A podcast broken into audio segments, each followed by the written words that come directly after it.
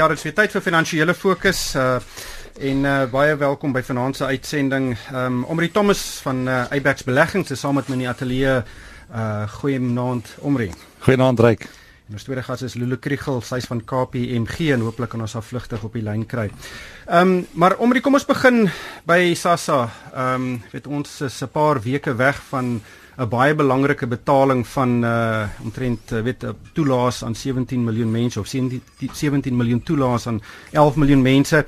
En hierdie week het ons weer groot vuurwerke gesien. Daar is politieke binnengevegte. Maar uh, die probleem wat ons uh, nou het is ons is weke weg van daai betaling. Hmm. Wat dink jy gaan gebeur as ons nie daai betaling sien nie? Ja, yes, reg, dit is dit is dit gaan 'n absolute krisis wees. Ehm um, ek dit dit dit is hartseer dat ehm um, uh, die die Suid-Afrikaanse publiek 'n gevangene is van 'n van 'n politieke spel en ons weet nie regtig wat wat daar agter sit nie maar dit is 'n 'n sepie wat nare nagevolge kan hê en ehm um, en ongelukkig is dit die uh regtig die mense wat dit die meeste nodig het wat wat wat daaronder gaan lê. Ehm um, so ek hoop ons kan eendag ons ons kan sien dat dit wel uitbetaal gaan word en dat dit nie 'n impak gaan hê op op op uh op die uh, uh massas nie want ek dink dit kan uh tot 'n siviele krisis lei in in Suid-Afrika as as hy betalings nie geskied nie. Maar kyk die die hele ehm um, stelsel werk op die oomblik baie goed. En nou daai uh kontrak is uh, ongeldig verklaar of ongrondwettig verklaar en iemand anders moet nou daai betalings oorneem. Ek sien die poskantoor het nou sy sy hand opgesteek en gesê ons kan dit doen. Ehm um, dink jy daar dit is relatief uh, eenvoudig om daai betaalstelsel oor te dra aan iemand anders. Sjoe, reik nie, ek dink dit is 'n my mynsins is dit is 'n baie komplekse uh, proses. Nou die jammer ding is daar da was 3 jaar om die stelsels reg te kry. Jy gaan nie dit in 'n maand of twee reg kry nie. En ehm um, daar gaan daar gaan groot uh, uh, uh, uh, struikelblokke wees as as hulle dit oorneem. So ek sou sê gaan aan met die huidige kontrakteur uh, kry net 'n billike koers ehm um, en dan bou jy die stelsels tot jy seker is hardloop dit parallel en maak seker dat nuwe stelsels werk voor jy so groot skuif maak. Maar dis sekerlik, weet jy kry baie staatsagentskappe wat belangrike werk doen, maar jy kry soms mense wat meer belangrike werk doen. Ehm um, soos byvoorbeeld hierdie toelaas wat uitbetaal moet word en baie opsigte hou dit veral sekere plattelandse dorpe aan die gang. Dit is uh, dit is dit is die die enkele ding wat uh regtig armoede armoede beveg en Ja, nee dit is dit is krities. Dit het uh, dit gaan mense se lewensbestaan beïnvloed. En dit is nie iets wat wat mense as as 'n politieke speelwolk kan gebruik nie. So ehm um, ek ek hooplik kan dit uitgesorteer word. Ja. Ehm um, nog 'n interessante storie wat ons hierdie week gesien het is dat Eskom dalk 4 kragstasies wil sluit uit die bloute uit. Ek het eers die die opskrif so gekyk en gedink, hierdie kan nie reg wees nie. Ja. Ehm um, weet ons sit met beerdkrag nie lank gelede nie. Ons sit met uh, gesprekke oor kernkrag wat uh, ontwikkel moet ja. word en hier is daar nou eers skielik nou te veel krag en om plek te maak vir hernubare um, energiebronne word nou aangekondig dat vier stasies gaan sluit. Dit, wat dink jy daarvan? Ja, eh, reik dit dit is mense kan dit nie begryp nie. Ehm um, ek dink deel van dit is is weer eens ook politiek. Hulle wil nie die alternatiewe energievervaardigers uh die betalings betaal wat hulle wat hulle moet nie en die koerse wat ooreengekom is nie. En uh, en nou kyk hulle daarna om om uh, van jou hoë koste uh ehm um, kragstasies te sluit om om plek te maak vir die uh alternatiewe energiebronne. So as mens kragstasies kan sluit, het mens seker dan dan nie uh, kernkrag nodig nie. Uh so en en die die die uh, hernubare hernubare hernubare energie is waarna die wêreld beweeg. So en daai kostes het, het bly afkom. So ek dink dit is 'n goeie area om te bly investeer en die private sektor te kry om om 'n uh, effektief krag te lewer. Lulu, is jy op die lyn? Ek is ek is Lulu Kriegel, sy is ekonom by KPMG. Lulu, ons het nou gesels oor uh die uh, Eskom wat wil kragstasies sluit uh, en en dit is amper uh, teenstrydig met wat ons gehoor het in die media die afgelope weet paar jaar. Ryk, ek sukkel verskriklik om jou te hoor. Ehm um, kan jy my nou hoor? Effens beter. Okay. Lulu, wat wat is jou indruk op die oomblik van van Eskom en die feit dat uh, uh weet hulle van die kragstasies wil sluit? Uh, weet natuurlik het ons in die verlede gesien uh dat ons beerdkrag gehad het, te min krag gehad het. Nou ewe skielik lyk dit ons lyk dit of ons te veel krag het. Ja, en ek dink een van die groot ag ehm um, ekskuus reg, een van die groot uh, faktore wat wat lyk my 'n rol speel op hierdie stadium is die stadiger ekonomiese groei en dan natuurlik ook van die nuwe uh, kragstasies soos Medupi en Kusile spesifiek Medupi uh, wat nou aan beurt uh, kom. so ek dink uh oorsaaklik is om mense gaan kyk na van die vooruitskattinge wat gedoen is rondom wat die uh elektrisiteitsbehoeftes in die land gaan wees. Het ons groei verwag wat dramaties meer is as wat ons gesien het en uh dit lyk asof die lae ekonomiese groei uh definitiewe impak op die vraag het en dan dink ek ook uh is daar natuurlik ook ehm um, huishoudings en besighede ensovoorts wat begin beweeg het na ander alternatiewe kragbronne, hernubare krag ensovoorts wat ook dalk die vraag beïnvloed. So ehm um, dit dit natuurlik alles wat wat 'n rol speel in ehm um, en van van die beplanning wat ons gesien het en nou ook waarskynlik die denke beïnvloed rondom die sluiting van kragstasies. Hmm. Maar dink jy die ehm um, jy weet dis nou 'n groot debat oor kernkrag wat baie gepolitiseerd is. Ehm um, en aan die ander kant het jy nou die groen debat van mense wat sê dis baie weet vir die omgewing is dit baie beter om om hernubare krag te gebruik.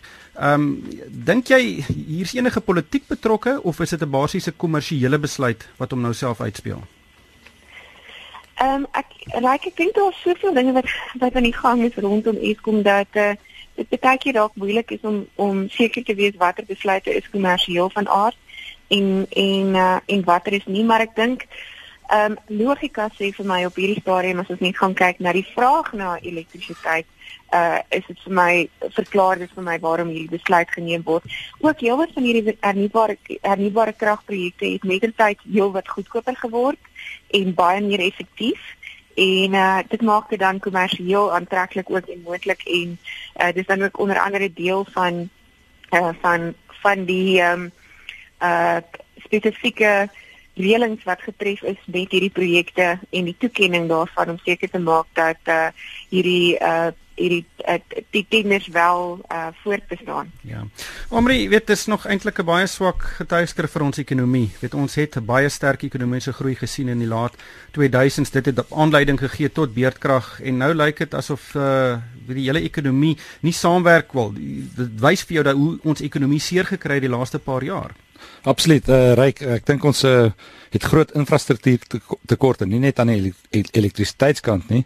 Uh ons ons weet nou water is ook 'n groot krisis in Suid-Afrika. Um ons paaie infrastruktuur is is uh is onder verdenking. So ek dink daar was 'n onderspandering op op op infrastruktuur wat ons uh wat ons potensiaal in inkort. Ons het nou laas jaar gesien dat ons BBP uh, skaars gegroei het. Uh die vooruitskatting is ook maar vir baie laag groei. So ons is definitief groei ons uh, onder ons potensiaal en uh, baie min spandering op op kapitaalprojekte. Ja, Lulu, kom ons gesels oor die BBP groei syfers wat um, hierdie week bekend gemaak is. Dit was natuurlik vir die laaste kwartaal van verlede jaar.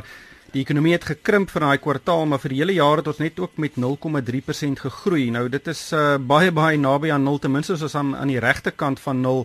Ehm um, die groot probleme was in ons mynbou en vervaardigingssektore en dis natuurlik die sektore waar Suid-Afrika kan werk skep en baie vinnig. Uh wat was jou breë indrukke van daai ekonomiese groei syfers? Ja, ryk uh, ongelukkig het dit aan die negatiewe kant verras as ons kyk waar ons die jaar geëindig het. Uh die meeste ekonomie het verwag dat ons darm ten minste rondom 0.5% gaan eindig. Maar ja, 0.5, 0.3, uh hoe jy ook al daarna kyk, is nie die tipe van groei wat ons enigstens nodig het nie. En uh ons ons ekonomie het groei in die omgewing van 5, 5.5% nodig om genoeg werk te skep. En uh soos jy ook gesê het, uh die die sektore wat wel die vermoë het om werk te skep vir die groot massa van werklooses in Suid-Afrika is ongelukkig ook die wat op hierdie stadium die swaarste kry en uh die sektore uh wat wat juis verlede jaar met die grootste hoeveelhede ingekrimp het en dit is ook dan waar ons die werksverliese gesien het. En natuurlik ehm um, as jy van kyk na wat die krediet krediet kredietgraderingsmaatskappye wil sien is dit verseker nie ehm um, die tipe van syfers en groei syfers wat hulle wil sien nie. Hoewel die laaste kwartaal uh soos jy gesê het daar wel 'n inkrimping was, was dit dan 'n klein bietjie beter as wat ons verwag het, maar die groot uh daling in die jaarsyfers is veroorsaak deur afwaartse aanpassings spesifiek in die eerste twee kwartaale van hierdie jaar se syfers. Maar maak nie die saak hoe ons daarna kyk nie. Op die ouene van die dag het ons basies stil gestaan en as jy gaan kyk na op, op 'n per capita basis met net onder 1% bevolkingsgroei beteken dit dat Suid-Afrikaners per capita slegter daarin toe is uh op hierdie stadium as wat hulle 'n jaar terug was. Hmm. Ek gaan vir julle albei vra die volgende vraag om reg gaan met jou begin. Dink jy die ergste is agter die rug? Nou, weet ons gaan nie binne die volgende paar jaar groei sien van 5% nie, maar om daar uit te kom gaan ons weet stelselmatig moet beter groei. Dink jy die ergste is agter die rug en dat ons nou stelselmatig daai tipe van hoër groei kan sien? Uh ryk dit voel so ons het daarmee 'n redelike herstel gesien in kommoditeitspryse wat goed is vir al van ons vir ons mynbou uh sektor. Ehm um, ek dink die sterk rand het uh gehelp met met uh invoere en met die die die prys van olie, so dit het ook bietjie gehelp. Ehm um, en dit dit voel daarom of inflasie bietjie bietjie uh meer onder beheer is. So dit lyk definitief of dit bietjie beter gaan wees, maar ehm um, dit is dit is nie rooskleurig nie. Die uh die reservebank dink ek verwag 'n uh, 1.5% groeikoers wat nog steeds geweldig laag is. So al kom ons by 1% uit, ehm um, is dit nog ver onder ons potensiaal uh, potensiaal. Lulu, dink jy die ergste is agter die rug? Ehm um, ek wil sê ek is regtig positief dat ons 'n beter jaar gaan hê. Gaan dit dramaties beter wees? Ongelukkig dink ek nie so nie. Ehm um, ek dink wat positief is is dat ons van die landbousektor se kant af ten minste 'n baie beter jaar verwag. Uh, dit lyk asof oes regtig goed gaan wees na die goeie reënval wat ons gekry het. Dit behoort natuurlik positief te wees vir voedselpryse ensovoorts. So uh, vanaf daai lae basis uh, gaan dit die landbousektor 'n hupstoot gee en uh, soos ehm um, soos reeds genoem die kommoditeitspryse wat ook bietjie beter lyk alhoewel goud op hierdie stadium weer onder onder druk is. Uh behoort ook uh, positief te wees. So as ons net gaan kyk van die basis waar af sekere van hierdie sektore moet groei, behoort ons 'n beter jaar te, te hê, maar ek dink dit gaan nog 'n hele tydjie vat en dat daar strukturele aanpassings gemaak sal moet word in die ekonomie sodat ons enigstens naby die 5 5.5% gaan kom uh, wat in die ontwikkelingsplan as 'n teken gestel word. Omri, ehm um, ek wil skuif na die lugvaart lisensieraad storie nou. Dis 'n baie amper ook 'n bizarre storie, amper soos 'n uh, wel die die die Eskom wat wil uh, steenkool kragstasie sluit. Ehm um, en dis 'n saak waar kom er aangekla is daarvan dat hy meer as uh, 25% van sy aandele in in buitelandse hande is. Nou natuurlik sê die wet uh, geen lugdiens in Suid-Afrika mag 'n hmm. buitelandse aandelehouding van meer as 25% hê nie. Nou die saak het voor die Pretoria se Hooggeregshof gekom, ehm um, waar kom er 'n uh, interdik wou instel teen die uh, owerhede dat hulle nie sy lisensie opskort nie en toe dit uh, klaar blyklik lyk dit asof die um, lisensieraad dink dat Ellen Gray uh, wat 'n wesenlike belang in uh, Kamer het is hierdie buitelandse persoon wat in Bermuda bly. Ehm um, wat dit natuurlik is, hy is uh Dis reg. Maar die mense wat die aandele hou is die batebestuurder wat in Suid-Afrika is. Dis reg, uh, ryk is dis uh, amper uh, dis skokkend dat uh iemand uh, dat die owerheid nie kan besef dat uh, Ellen Gray uh, die maatskappy en die persoon uh, twee verskillende uh, entiteite is nie. Ehm um, so die aandeelhouer is Ellen Gray die maatskappy en nie en nie die individu nie. Wat ook interessant is, uh, daar's 'n verdere aandeelhouer uh, wat Bitwest is wat ook 'n wesenlike aandeelhouding besit in in in Comair en maar Bitwest 46% van hulle aandelehouders is is buitelanders maar Bitwest is is 'n Suid-Afrikaanse maatskappy en hulle het ook gaan kyk na uh, wat is die effektiewe persentasie wat die buitelandse aandeelhouers deur Bitwest in Kameer besit. So uh, ek ek dink daar's geen meriete in die saak om om die uh, lisensie terug te trek nie. Ehm um, so ek ek dink ek kan nie sien dat hierdie uh, aansoek gaan slaag nie en, en Kameer uh, regtens het uh, het reg opgetree deur uh, dit aan die Hooggeregshof toe te vat.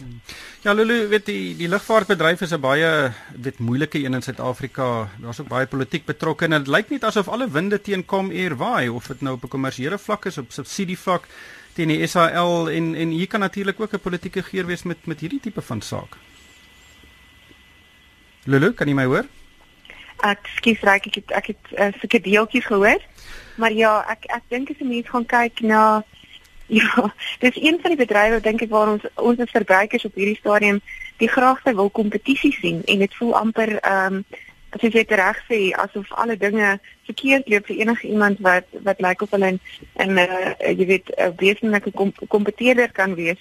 Ehm um, as jy net gaan kyk na die effektiwiteit en, en net op basiese syfers sonder om enigsins in in uh, in enige finansiële syfers in te gaan, as jy gaan kyk na die aantal persone wat per vliegtuig in diens is byvoorbeeld deur Comair uh, teenoor SAL, dan besef jy uh hoeveel oneffektiwiteit daar is en waarskynlik oorbesteding en uh en boonbehalwe al die ander dinge wat ons weet wat aan die gang is. So dis regtig as daar een bedryf is dink ek waar Suid-Afrikaners baie graag meer kompetisie wil sien, is dit in lugvaart en as hierdie tipe van dinge gebeur dan is verknou dit mense vertroue en uh, juis in die vermoë van van die owerhede om om kompetisie aan te wakker in daardie sektore. Ryk ryk is eintlik is eintlik ongelooflik om te dink dat kom hier nog so goed doen met uh, SAL wat as gesubsidieerde lugdiens uh so oneffektiewe mark geskep het. Ehm um, ons het al gesien hoeveel lugrederye het ondergegaan en ek dink baie daarmee te doen het, is, is is is SAL wat ehm um, nie 'n uh, 'n uh, waardering het vir vir kapitaal nie. Ehm um, so uh, daar is nou die saak wat deur uh, Kamer gewen is teen teen SAL oor die ehm um, um, uh, voor die mededingingsraad en dit is dit is 'n groot boete wat so lyk of die winde bietjie na na Kamer se rigting begin waai. Ja, daai boete is ek dink 1.5 miljard rand en uh, ek dink nie SAL het eintlik die geld om dit te betaal nie. Nee, glad nie. Maar Amerikaans praat 'n bietjie oor die markte en die rand. Um, ek het hierdie week 'n statistiek gehoor wat baie interessant is. Um, en dit is dat die wisselvalligheidsindeks op die JSE is uh, tans net so omtrent 12% en dit is dieselfde vlak as wat dit was hier in 2008 voor ons die hele ineenstorting van die finansiële stelsel wil nie in ineenstorting ja. die finansiële krisis gesien het. Dis reg. Uh nie, in my persepsie verseker is nie dat uh, die JSE se wisselvalligheid verminder het die afgelope tyd nie. Nee, dis dis dis is presies reg. Uh ryk wat baie interessant is. Daai wisselvalligheidsindeks is uh word gebruik om te bepaal uh wat is die koers uh, wat jy versekerings uh, kan koop uh, vir 'n val in die mark. So daai koers is nou op sy laagste vlak soos jy genoem het in in 'n in 'n baie lang tyd. So met die mark op 'n nuwe hoogtepunt is jou versekerings op sy laagste. So dit sê amper dat daar was nou vir uh, 5 jaar nie droogte nie en nou is jou versekerings teen droogte op sy laagste punt. So ek dink is 'n dis nie 'n slegte tyd om om versekerings te koop nie, maar ek dink dit is dit is 'n neuwe effek van 'n uh, kunsmatige lae rentekoerse wêreldwyd wat wisselvalligheid nie net op op op ons mark maar op wêreldmarkte uh, baie laag het. So ek dink daar's daar is risiko's in die markte wat nie verspil word uh, deur die wisselvalligheidsindeks op die oomblik nie. Ongelukkig hierdie tyd ons ingehaal. Baie dankie aan Amri Thomas van Abex Beleggings en Lulu Kriel van KPMG en vir my ryk van die kerk. Dankie vir die saamluister en ek hoop almal het 'n winsgewende week.